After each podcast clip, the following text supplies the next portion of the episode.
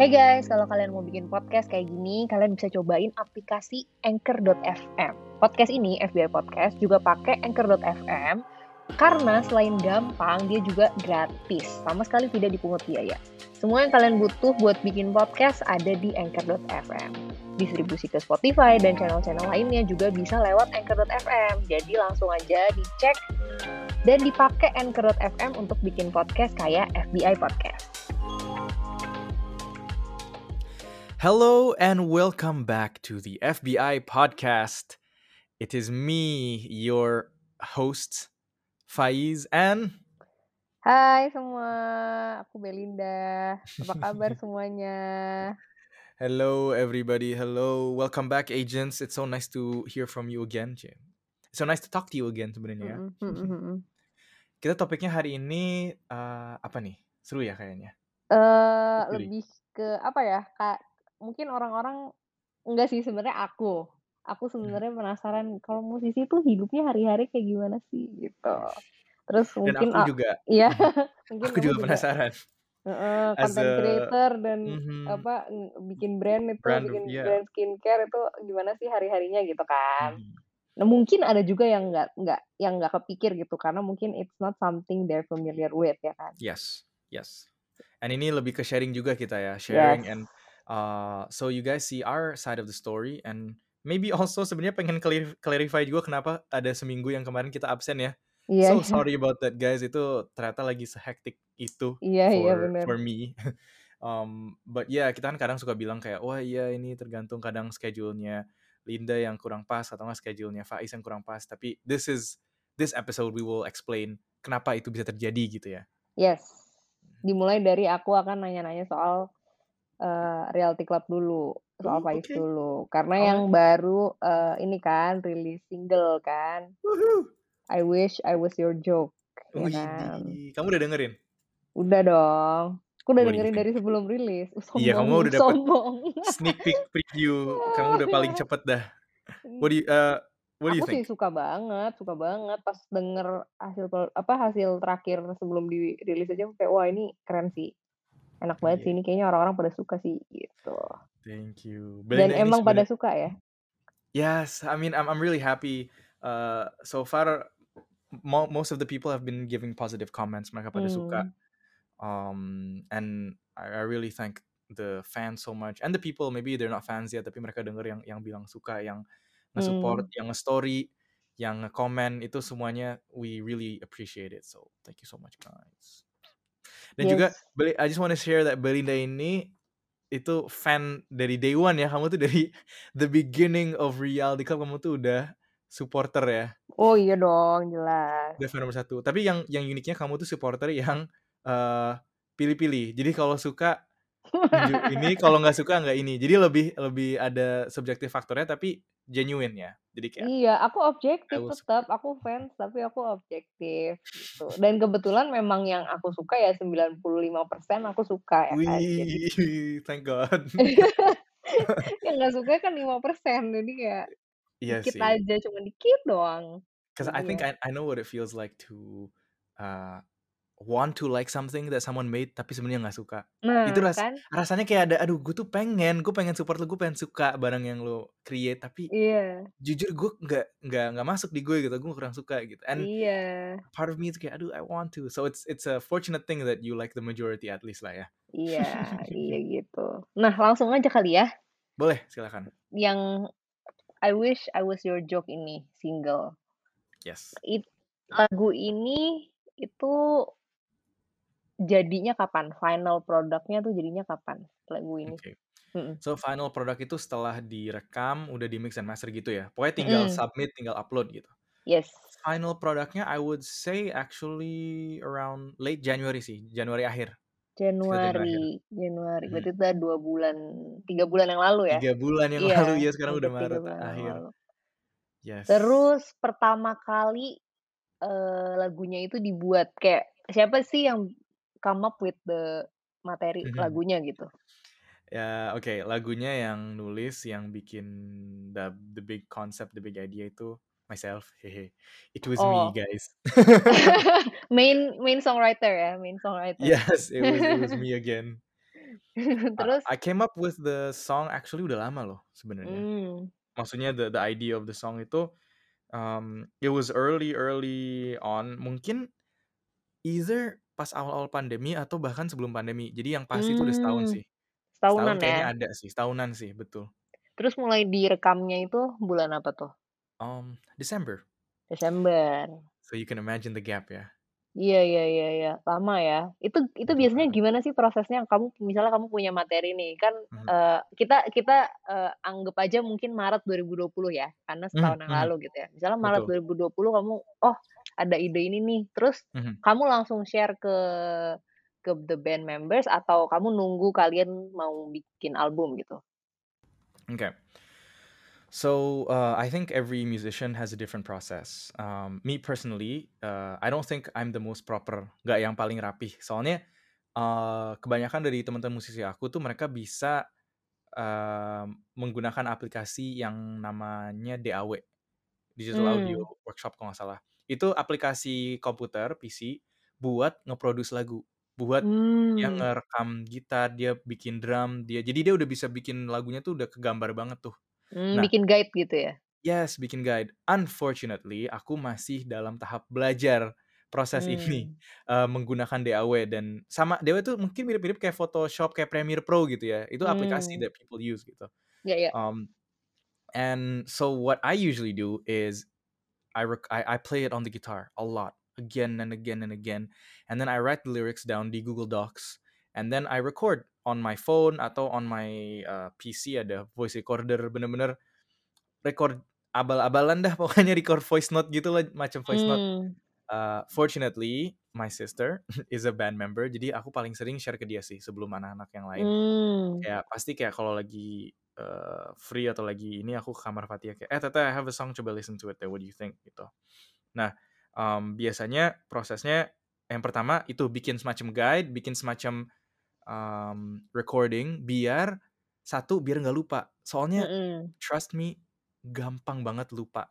Cara nyanyi, cara main, cara chord-nya apa, Mmm. eee, the little ideas like mau ada lead gitar kayak gimana, drumnya kayak gimana, itu gampang banget lupa. Jadi And selalu I direkam ya? selalu, itu penting banget.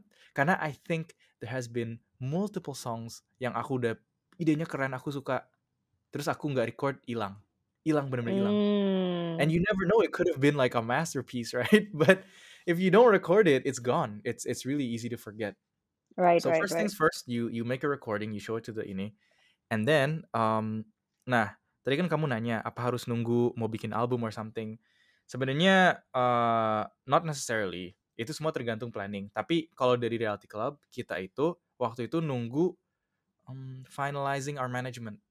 Jadi pas banget pandemi itu kita selesai kontrak sama manajemen terakhir kita, eee, Reality Club. Mmm. And kita itu harus negotiate deal sama, eee, label kita sekarang, kita sekarang sama Dominion Records. Mmm. Dominions. Oh, kalian udah sama label berarti bukan indie dong ya?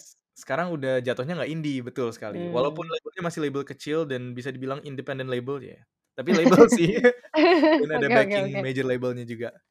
But, um, yeah, um, we're not indie anymore, eee, kita udah sama label. We had to negotiate that deal first. Dan itu yang kenapa dari Maret sampai Desember belum mulai recording. Satu, kita harus Mmm. negotiate dulu nih. Soalnya, um, independent means kita masih finance sendiri kan. Iya. Kita bisa-bisa aja, tapi at the other side juga, kalau kita mau go all out dan kita nggak harus mikirin budget, mungkin ada enaknya kita masuk label atau ada yang support lah, Mmm. ada sponsor gitu or something. Mmm. Um, so we were waiting for that dan juga, eee, kita juga masih sibuk dengan gigs-gigs virtual waktu itu. Mmm. So, sebenarnya the pandemic has actually ada plus point-nya itu kita jadi ada waktu, karena gigs kita walaupun ada, jadi jarang kan. Iya Dulu iya kan iya. dulu mungkin setiap minggu bisa 2, 3 kali minimum gitu kan. Mhm.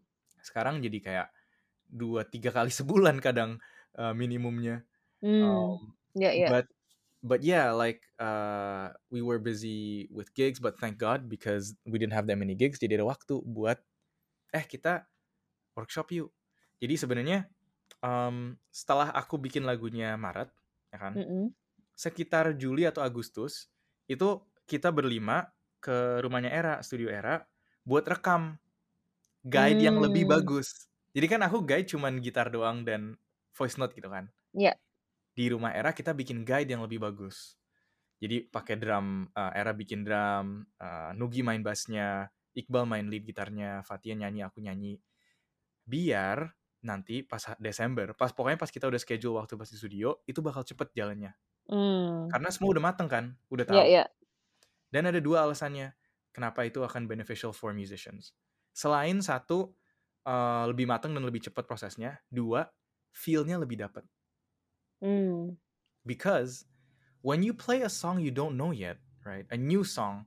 uh, mungkin buat aku nggak new karena buat aku dari Maret. Tapi buat Nugi sama Era sama yang lain-lain mungkin belum new, eh masih new.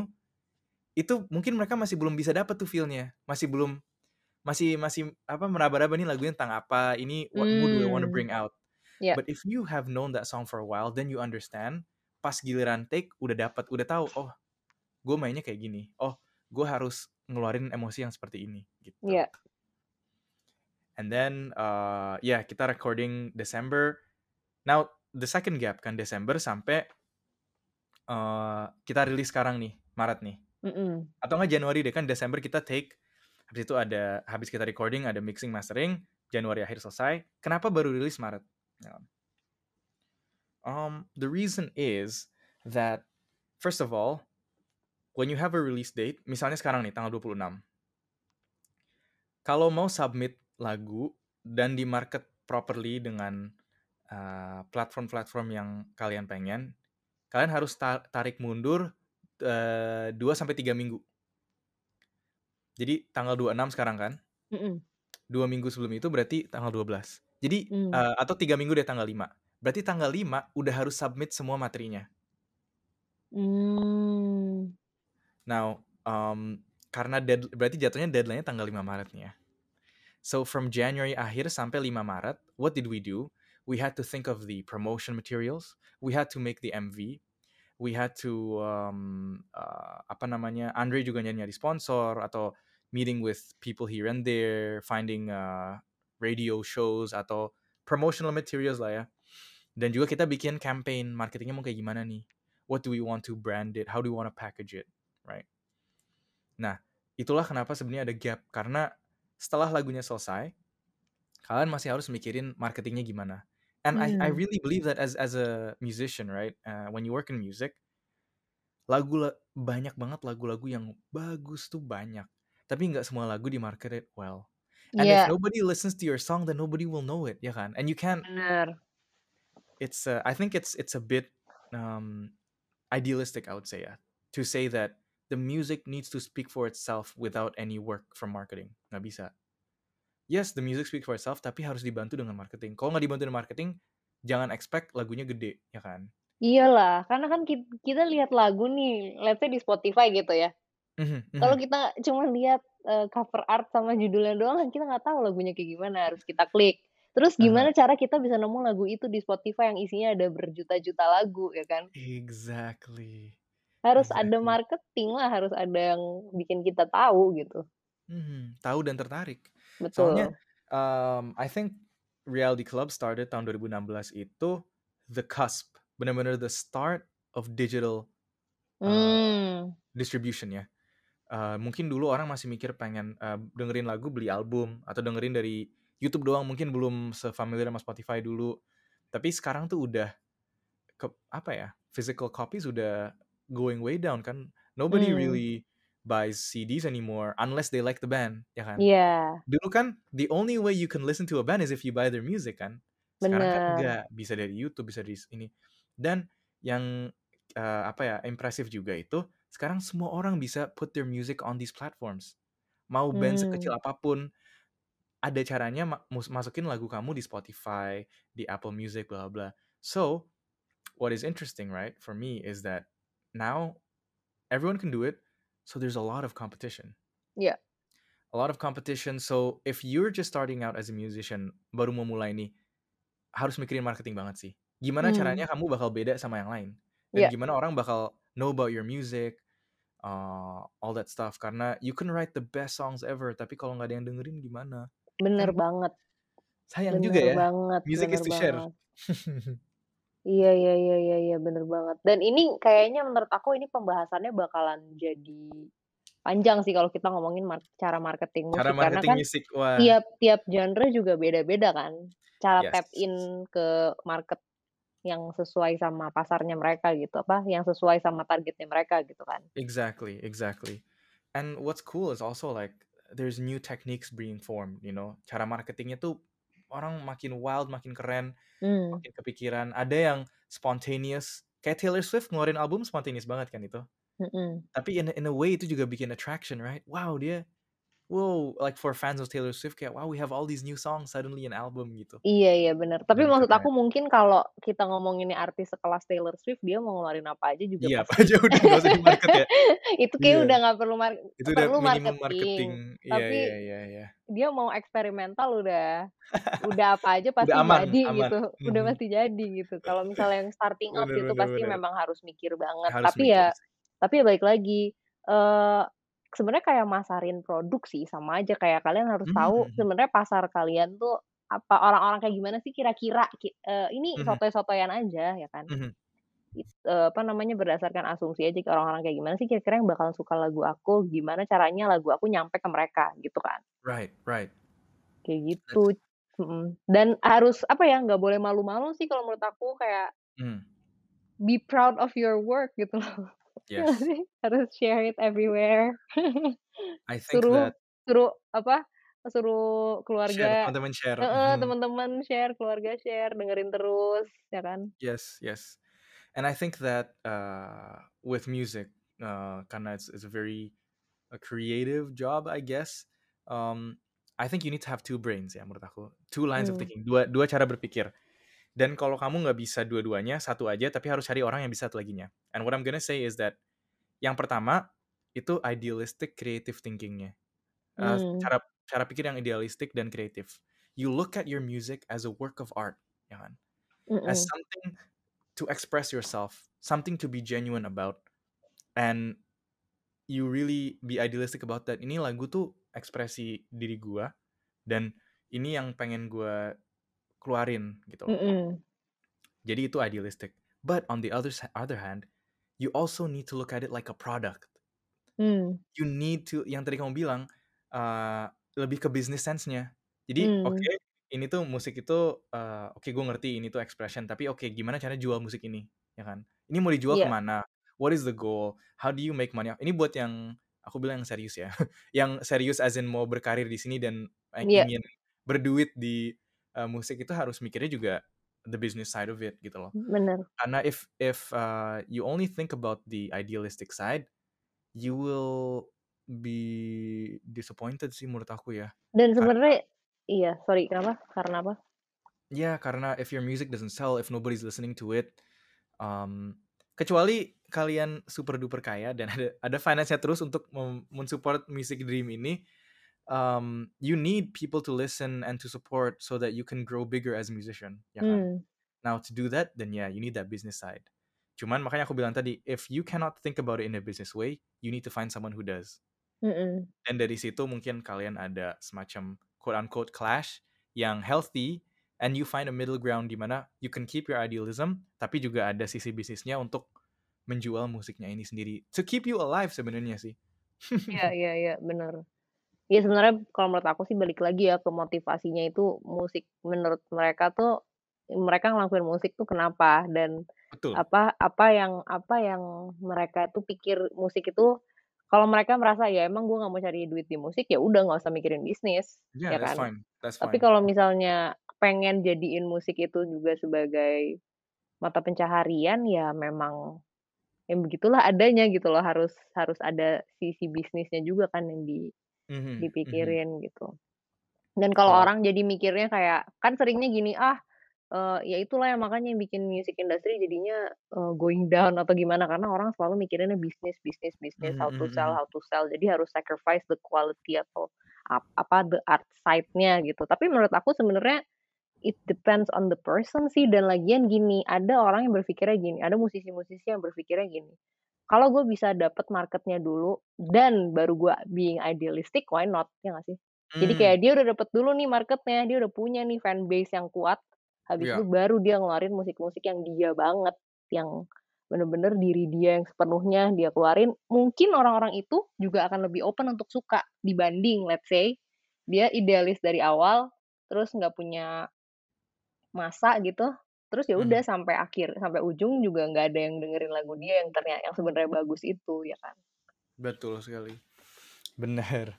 And I think that uh, I also want to clarify when I say that uh, the business itu mungkin um, bukan yang kayak ya udah gue bikin lagu-lagu yang pop ya kan atau nggak ya udah Hmm, gue hmm. bikin gue fokus ke genre yang selling no I think you can still I think why I said harus ada ah, sisi kreatifnya juga itu make what you wanna make first yang genuine lah make yang even if you want to try pop make sure it's genuine if you wanna Iya. try something different itu yang pasti that's you that's very Hmm, genuine hmm. but then how do you market that right kayak Iya. misalnya kamu bikin lagu aneh nih oke nggak apa-apa yang menurut orang aneh dan kurang masuk ke telinga majority orang tapi namanya musik kan subjektif mungkin ada marketnya how Hmm. do you tap into that market right how do Iya. you make sure you thrive in that market you become the leader of that market gitu. Menurut aku itu yang lebih why I mean harus ada business side-nya juga. Bukan cuman Bener. udah nih gue bikin hmm. idealistik terus udah gue lepas tangan. Gue nggak usah mikirin. Enggak harus tetap mikirin guys. Harus tetap mikirin dan maksudnya gimana ya, kayak nggak bukannya bukannya hitam dan putih sih, bukannya kalau Mhm, iya mhm. kan, bukannya kalau bener banget. doing doing what you like, apa, making the songs that you like itu bukan berarti kayak terus sama sekali nggak mikirin bisnis atau kalau mikirin bisnis itu bikin lagunya yang bahkan dia sendiri nggak suka gitu. Enggak Mhm. enggak, bisa tetap bikin yang suka dan bisa tetap bikin yang selling gitu kan. Yang betul suka dan selling at the same time. Itu memang perfect balance-nya sih. Dan mungkin ya emang nggak semuanya bisa sampai di tahap itu, tapi ya itulah yes realitanya gitu loh. In music industry itu ya to survive ada hal-hal yang yang Mhm. nggak bisa semu 100% mau semau maunya musisinya kan. Tapi ya itu iya tadi yang kayak aku bilang, misalnya pun harus, eee, quote unquote sacrifice selera bener-benernya dia gitu, Mhm. taste dia yang sebenarnya gitu, untuk dapetin dulu marketnya, ya itu juga menurut aku nggak apa-apa karena at the end of the day kan dia tetap bisa bikin lagu yang dia suka dan orang yang denger banyak gitu kan. yes yes bener sekali Kayak gitu sih. and I think just if you do anything but you do it well it will Mmm. be good soalnya aku juga ada ya maybe when I hear like new bands or people that are just starting out itu masih banyak yang yang sewajarnya aku juga termasuk ya Reality Club album pertama menurut aku juga kayak gini itu nggak rapih per- lagunya. Mmm. Eh, produksinya kurang bagus mungkin mixingnya jelek atau gimana. Mungkin jelek ya kasar tapi nggak sebagus itu gitu. Um, dan menurut aku those little things are things you can improve to make your self sound better. Karena if you Betul. do anything well mau genre apa pun wah ini pasti ada ada yang bisa vibe to it lah ada yang bisa appreciate it gitu Bener bener. Yang aku suka juga itu sih kalau dari dari musik, pokoknya ke sen seni lah ya, Mhm. bahwa itu tuh pasti selalu ada yang suka sih sebenarnya. Mhm, mhm. karena Iya kan? subjective right Mhm. Mhm, pasti ada yang suka, cuman tinggal ya gimana kita, eee, usahanya kan untuk make yes people listen to it atau kayak make pokoknya as many people as possible deh listen to it gitu kan. Hmm. and Nah also mhm, iya, heeh. like let's say you make quote unquote weird music right? Bisa aja orang yang tadinya nggak suka jadi suka. Mmm. habis dia dengerin dia kayak understand the story atau mungkin habis denger beberapa kali tapi gimana caranya orang itu denger for the first time? That's what I mean by marketing ya kan? Bener. to make people aware that atau you make them intrigued make them uh, excited bikin mereka penasaran apa sih? What's the buzz about? Kenapa orang ngomongin band ini? gitu. Mmm. Dan mungkin di situ jadi kesaring kan kayak oh ini nggak buat gue tapi mungkin orang yang tadinya nggak tahu jadi wah ini gue banget nih gitu kan Bener. Bener Mhm. banget. Dan kalau gitu sekalian aku mau nanya nih, Mhm. kadang-kadang ini kan kamu kan sebagai, eee, ex band indie ya, belum lama kan soalnya indie masuk label, kamu kan ex band indie nih, kan masih kalau rasanya masih indie banget kok btw pendengar-pendengar musik indie nih kan kadang-kadang suka gimana ya, kayak, "Ah gue nggak mau denger kalau udah banyak yang denger," gitu kan. aduh Atau misalnya kayak gini, atau aduh misalnya atau misalnya kayak, eee, "Gue wah ini lagu gold banget nih, gila sih, ini keren semoga banget nggak ada yang lagu, gitu gue nggak mau share supaya biar gue aja yang tahu," gitu. Gue nggak mau aduh ini become mainstream gitu. Kamu tahu kan Mhm. ada kayak gitu-gitu ada kan? Kamu wah tahu tahu kan? banget sih itu Dan kalau aku, aku pengen tanya dari sisi juga awamnya ya, sisi listener. Menurut kamu, kamu dari sisi musisi sebenarnya Kamu berharap mereka keep the song to themselves atau share sih? Eee, gimana ya, definitely share, hello. Hello, Makanya we need help gitu loh, kayak if you love us, if you want us to do good, then share. Tapi, eee, gimana ya, kayak aku mungkin, eee, aku mau bilang Tapi kamu relate nggak tapi kamu relate nggak? Dulu kamu suka musik-musik keren Iya yang menurut iya kamu iya. itu, kamu keep atau kamu share? Enggak sih, aku aku enggak keep sama sekali. Keep dengan istilah kayak aku nggak mau share ya. Aku justru share Mmm. banget. Oh, Eee, bagus. karena menurut aku music is for sharing, right? But also, don't you get a sense of coolness from sharing it, right? Kayak Asik. Justru enggak gini iya loh, bener banget. kalau lu ngomong heeh. iya iya, coba kamu deh, kamu. Kayaknya kamu sa pas poinnya sama sama aku deh. Oh, iya iya iya iya. Maksudnya Gitu. kayak justru kalau lu nemu musik yang keren, lu harus share duluan sebelum orang lain, ya kan? Betul. Biar nanti orang kayak, "Wah, anjir nih lagu keren banget." "Iya, gue tahu dari Belinda." Gitu kan kamu jadi Iya, kayak, "Wis, kayak, bangga "Wah, dikit," gue gitu udah kayak duluan nih, gue udah duluan nge-share nih Iya. sebelum yang lain." Bisa kayak, "Nih, lihat nih, Oktober gue nge-share." Misalnya viralnya Januari ya kan, Iya iya "Oktober iya. nih gue nge-share, gue udah Gue udah duluan nih, gue udah tahu nih yang bakal booming nih." Gitu Mhm. kan. Jadi maksudnya jangan sedih justru kalau terus jadi booming, karena berarti, wow, Betul. you have good ears, ya nggak sih? Iya, bener banget. Tapi kita juga mau clarify jangan jadi snob ya, jangan yang kayak, "Wah, gue udah tahu dari lama." Gitu, kayak gitu juga. Cuma maksudnya kayak, daripada kan yang kayak, "I wanna keep it so only I have good music taste." Gitu. Enggak juga, Mmm. kayak justru if you share then people will know you have good music taste, ya kan? Yang kamu bilang tadi, Betul "Wah, nih orang udah tahu dari lama nih, berarti dia gue percaya dia deh kalau mau nanya-nanya rekomendasi musik." Gitu kan. Nah, Dan on the on the on the other side, the more important side, if you like a band, if you like a performer, a musician, a rapper, whoever, and you you want them you wanna help them, right? You wanna support them, you want to good to do good, so they can keep making music for you or keep making good music gitu. Mmm. Dan gimana caranya? Di-share, biar dia Bener. growing. Karena kalau Bener. dia growing, dia ada support-nya, financial dan fan support, mungkin dia jadi jadi apa ya, jadi makmur gitu, di di-invite buat gigs, dia di-invite festival, eee, di-interview sama sana sini karena banyak orang yang ngomongin. Itu kan that's why when when musicians say like, "I wanna thank the fans," I understand that it it's really genuine loh, guys. Karena impact Mmm. fans tuh segede itu. Yes. Lebih gede daripada I think any of the other people that helps the music, in a Bener. way. Soalnya Bener. the people who help make the music, of course mereka sangat huge impact, they make the music like that. Tapi gimana eee, band itu bisa sustain, bisa tetap berjalan, ya dari fans. Dari fans yang support, yang dengerin terus, yang nge-share, Mmm. yang yang ngomongin lah, even nggak harus nge-share tapi ngomongin di sosmed yang kayak, "Anjir nih lagu enak banget." Itu tuh udah Mmm. kayak thank you banget gitu loh. So, I think Bener. don't don't keep it, what are you doing? What is the objective here? Agents, pokoknya mulai sekarang kalau Agents. nemu lagu yang enak, share duluan. Ayo, you have to be the first to share. Exactly. And don't be a snob, you know, be happy that people know about it. "Yeay, lu juga dengerin ya, Bener enak bener kan?" bener. Gitu.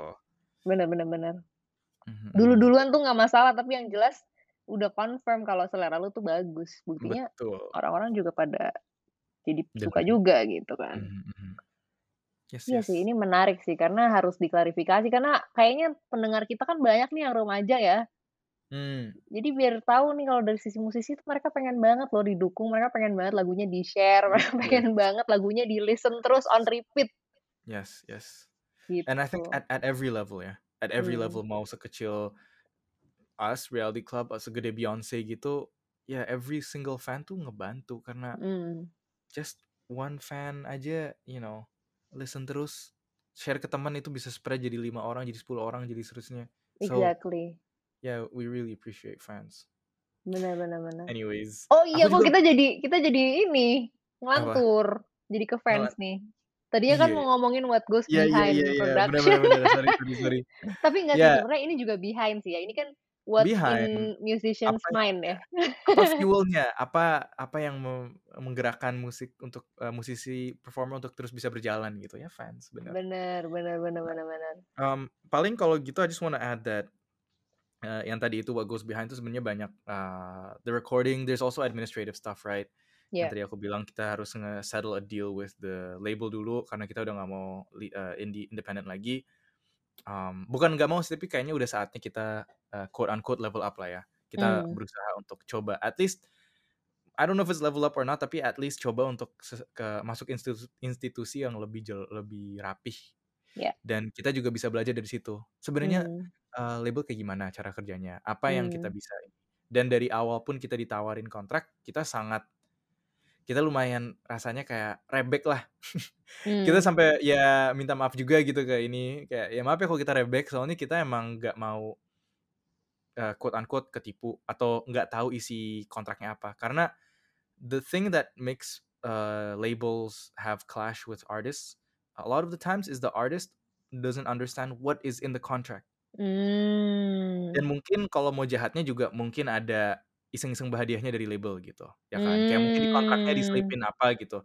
Nah makanya sebagai artis, I know, nggak semua orang belajar hukum, aku pun nggak belajar hukum, tapi itulah pentingnya sebelum sign anything, at least baca atau cari temen Mmm. yang belajar hukum atau beneran cari legal advice, it might be expensive tapi worth it sih. Soalnya harus tahu isinya apa, Iya. apa yang bisa di-fight, apa yang, eee, bisa, eee, disuruh rujuk ke undang-undang yang udah ada gitu. Kayak banyak yang banyak steps yang harus diiniin dan itu take a lot of time tuh, negotiation-nya tuh karena kita back and forth, baca kontrak, revisi-revisi, minta sana negotiate, sampai akhirnya ada kontrak yang kita sama-sama oke, sign.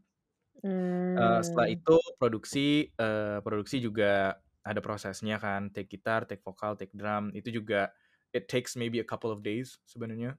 Mmm. Um, but then we have to wait for mixing, mixing itu basically misalnya semua lagu udah eee, semua instrumen udah ada nih. Setiap instrumen kan di-record separately.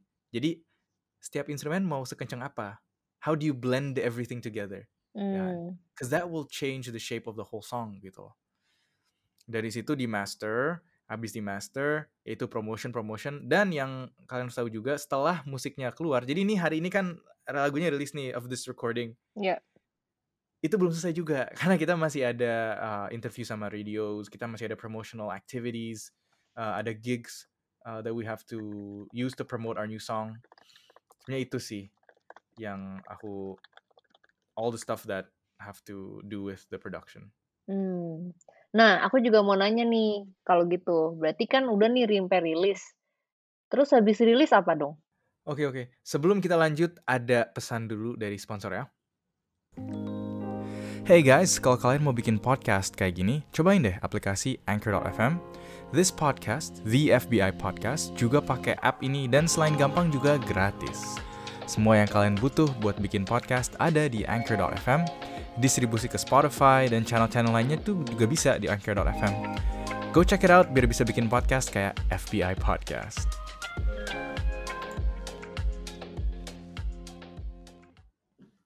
Ya, oke. Tadi udah sampai mana? Balik lagi. Jadi tadi aku nanya nih, kan kalian udah rilis nih lagunya, MV-nya, ya Mhm. kan. Terus apa? Udah gitu, habis itu apa lagi nih?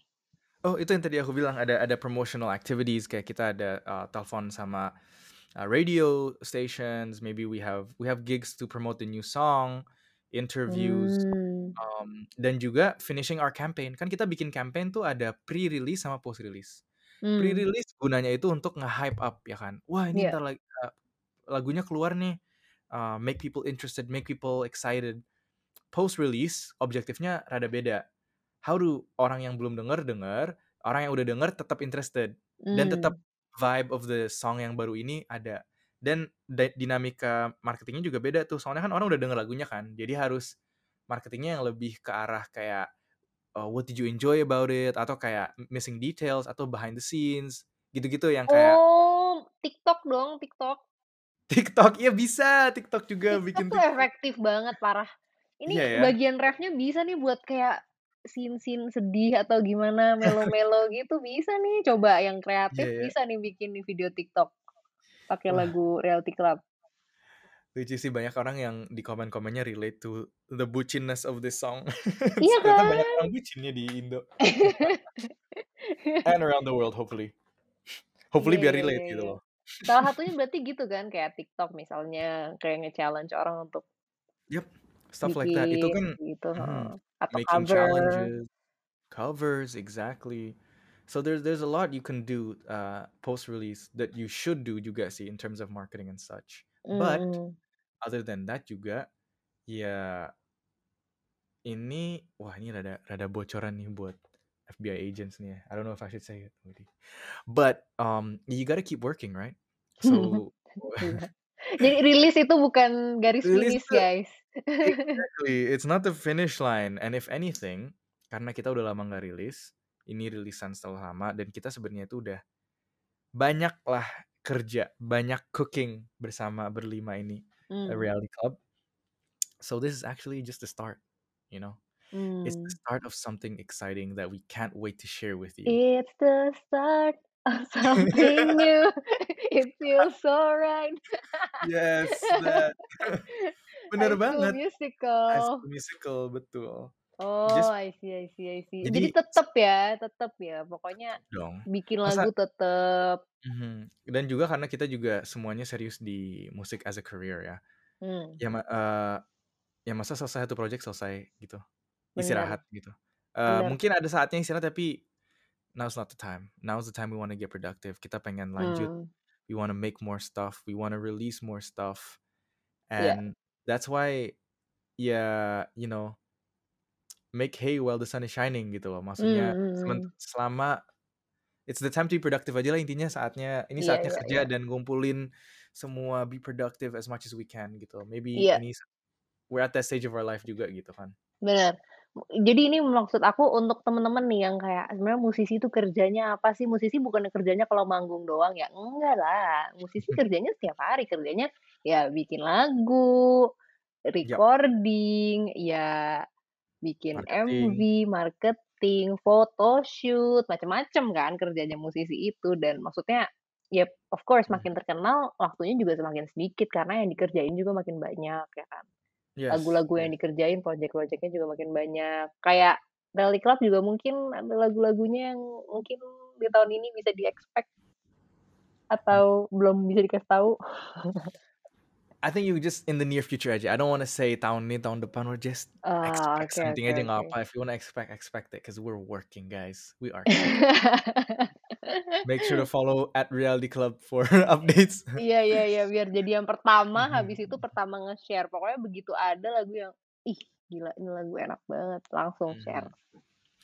Tapi sebenarnya there's also the bulk of the stuff I think is non-glamorous ya. The non-glamorous aspect itu yang lebih ke administratif. Jadi kalau dari Reality Mmm. Club itu kita setiap minggu hari Selasa ada weekly meeting. Mmm. Eee, dulu kita ke kantor, eee, manajemen dan kita ngebahas, tapi sekarang karena, eee, WFH semuanya kita online call gitu bisa 2, 3 jam Mmm. buat ngebahas plan kita lagi, you know, where we're at, what do we wanna do, what do we wanna achieve, semuanya ada update. Misalnya dari sisi kreatif, dari MV mau apa, merch mau apa. Um, dan these kind of decision making and discussion to make a decision itu yang sebenarnya makan waktu banyak sehari-harinya sih sebenarnya ya. Mmm. Eee, jadi, eee, selain manggung dan juga latihan ya, jangan lupa latihan tuh penting loh. Oh entar iya, bobrok pas main. latihan. Bener Entar pas main banget. ngeok gitu. Eee, Bener. jadi, Latihan eee biasanya berapa lama sih kalau kalian? Eh, Nah maksudnya berapa mmm, frekuensinya? dulu itu karena kita manggungnya tuh sesering itu, kita nggak butuh latihan. Maksudnya, Oh. eee, bukan ya sebenarnya jatuhnya bukan, eee, ya jatuhnya nggak nggak butuh sih, tapi dianjurkan untuk latihan, tapi karena kita juga manggungnya padet, kita capek, kita jadinya nggak harus latihan karena we're playing the same songs, right? So we're while we manggung itu seka sekalian latihan juga tuh in a way, 'cause Iya iya you're iya. just practicing your, you know, muscle memory lah ya, for the instruments mainnya kayak gimana. And dulu tuh kayak gitu. Kalau sekarang itu karena, you know, um, it's not, eee, we don't have as much gigs, kita sih usahain pas mau take, pas mau syuting atau taping di mana, itu kita yang pasti latihan dulu di rumah sendiri, ya kan. Mmm. Eee, lagu-lagunya udah ada nih di Spotify or what not, jadi kita just listen to it while we play together. Dan kalau misalnya kita take recording di rumah Era, biasanya ya kalau ada yang salah-salah diulang nggak apa-apa. Soalnya kan taping ya. Mmm. But I would say that usually it would be, um, a few times a month sih. Kalau Mmm. lagi masa-masa bel s eee, pre-pandemic dan kita nggak sesering itu manggungnya. Berap iya Mi berapa kali sebulan? Itu biasanya satu kali latihan berapa berapa jam? Biasanya kita 2 jam sih, 2 sampai 3 jam. Mmm. Mhm. Ya mungkin Soalnya orang-orang pada penasaran kan. Mhm, 2 sampai 3 jam. 'Cause, eee, sometimes the biasanya tuh kan la- lagunya eh show-nya cuma sejam atau 45 menit. Tapi kan kadang-kadang you wanna do the song again again and again biar Hmm. mantap gitu loh. Atau kadang-kadang kalau ada waktu ekstra ya kita buat mm, songwriting bareng or jamming bareng, you know. Hmm.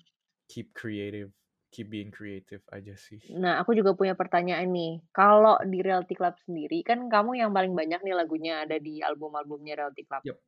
Itu tuh karena emang kamu yang bikin paling banyak atau biasanya gimana sih? Misalnya nih, let's say eh, lima orang gitu. Apakah Mhm. lima-limanya bikin lagu terus eh, dilempar habis itu dari yang semua dibuat itu itu dipilih atau gimana? Kurasi gitu ya. Mm-mm. Kalau di reality club sih jatuhnya kita sebenarnya sangat open. Siapa pun yang punya lagu present aja. Hmm. Tapi fair ya, masih kita semua harus suka. Kalau nggak Hmm. suka ya nggak apa-apa. Ya. Soalnya juga sebenarnya nggak semua lagu yang aku share ke reality club jadi lagu. Maksudnya dijadiin lagu bareng sama reality club. Kadang ada yang kayak Hmm.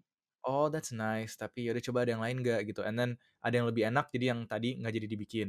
Hmm. Nah, Sebenarnya kita gitu prosesnya. Everyone's open. Misalnya Fatia punya lagu, Iqbal, Nugi atau Era. We just, eh gue punya lagu nih guys. Nanti gue presentnya. Uh boleh.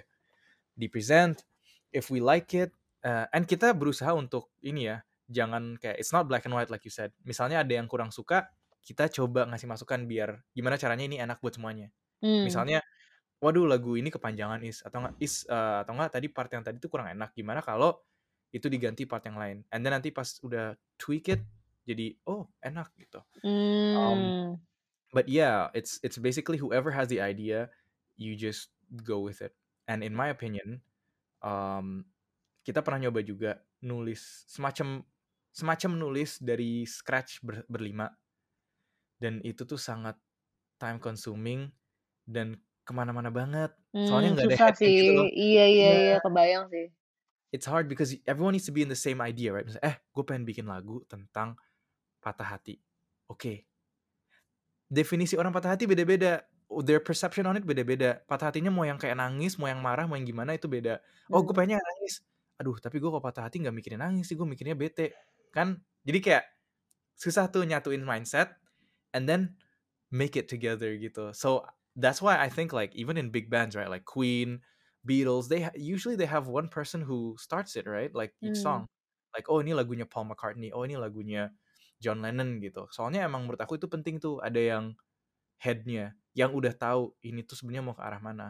Hmm. Kalau nggak ntar kayak macam Frankenstein song gitu yang kayak orang misalnya aku present tapi ntar era ngambil terus diganti-ganti enggak is menurut gue ganti ke arah sana tapi masih ada parts of it yang harusnya ke arah yang lain Hmm. if that makes sense ya jadi kayak I think it's just important that we have at least a head gitu loh Sa- satu orang yang Hmm.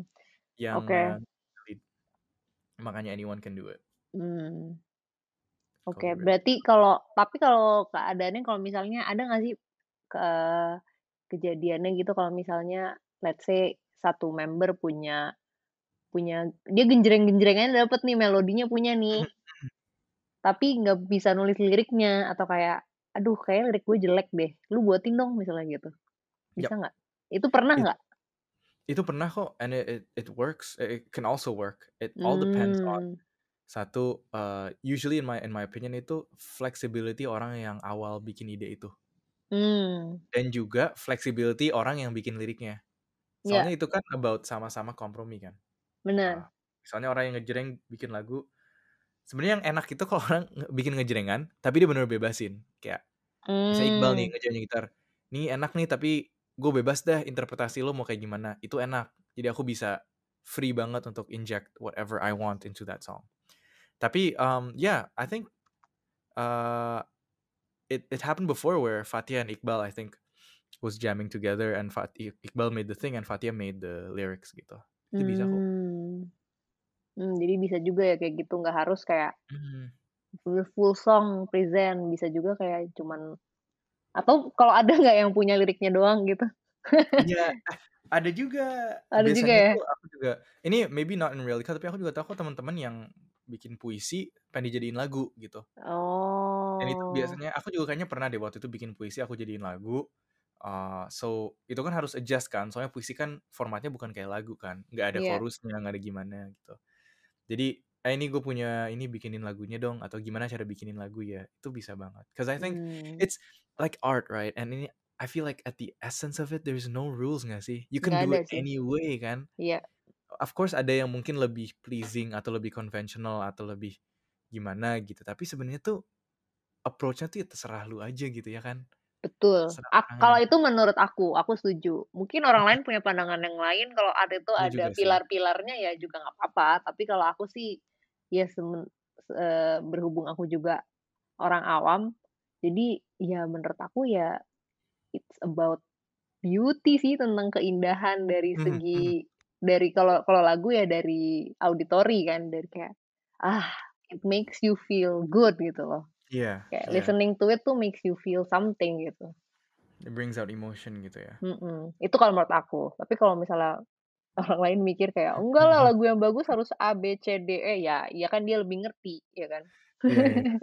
I think sebenarnya kalau misalnya secara teknis mungkin ada lah ya, yang kayak gimana cara bikin lagunya lebih rapi. Tapi secara apa ya, songwriting-nya gitu, secara ininya I think itu bener-bener bebas banget nggak sih? Betul, makanya ak menurut aku gini sih, apa, eee, buat temen-temen yang masih remaja starting nih ya, kan gimana ya, nggak semua orang punya akses ke nggak semua orang misalnya anaknya musisi atau punya keluarga yang Mhm. musisi atau jadi Mhm. misalnya dia punya punya passion di situ, punya punya apa, ketertarikan di musik ya Desire, heeh, dicoba aja karena kamu juga dulu gitu kan, kamu juga Oh keluarga iya. kamu nggak ada yang musisi kan? Atau ada? Nggak ada. Nggak ada kan? Tapi Me and my kamu mom nyanyi kalau di acara kantor. Nyanyi-nyanyi aja gitu. Tapi kamu bikin bikin lagu sendiri kan itu udah lama kan, dari sekolah kan? Iya dari SMA kalau dipikir-pikir. Nah iya, Umur makanya. umur 16 I wrote my first song, for a girl that didn't like me. Ya mirip banget. Iya, sampai sekarang. Lagunya Mirip. simping-simping tentang bucin-bucinan. Nggak ada progres dong tapi itu aku. Tapi itu selling itu selling, nggak Iya, itu forte aku ya. Iya. Tapi please ya, kalau misalnya you're a fan of Cup, jangan berharap aku tetap sedih biar lagunya enak, itu kayaknya rada jahat.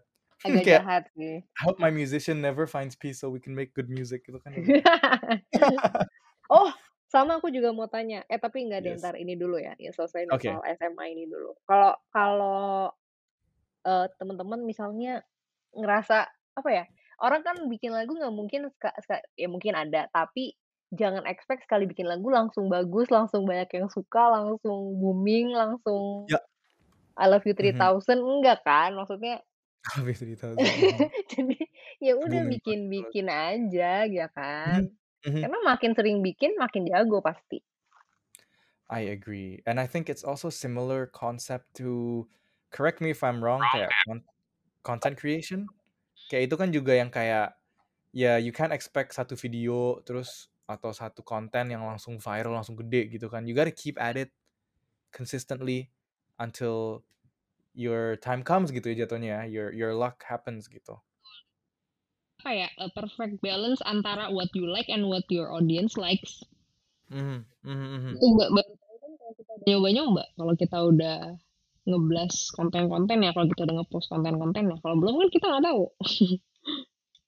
Kita Iya tahu kalau yang kita suka, tapi kita nggak tahu yang orang-orang suka. Nah, kalau kita bikin and keep creating, kita jadi tahu tuh tengah-tengahnya, gitu.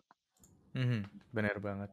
Ya itu sih kenapa, you know, there there's a lot that goes behind production, there's a lot of processes, um, but it's all exciting and it's all learning process. I think buat musis teman-teman yang mau jadi musisi atau mau mencoba di musik, bener kata Belinda, coba aja dulu.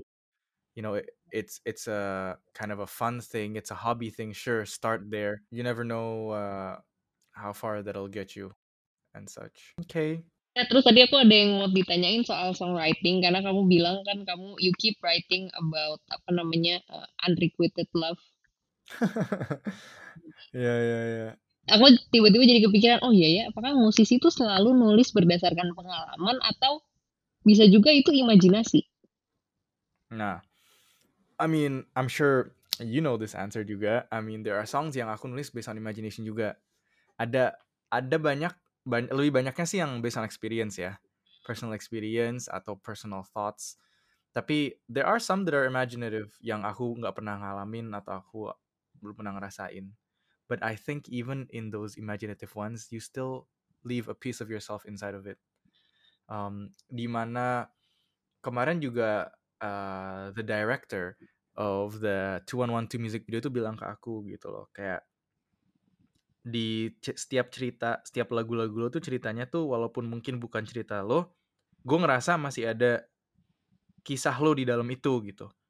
Mungkin ada secuil atau se like it's a little part tapi ada gitu.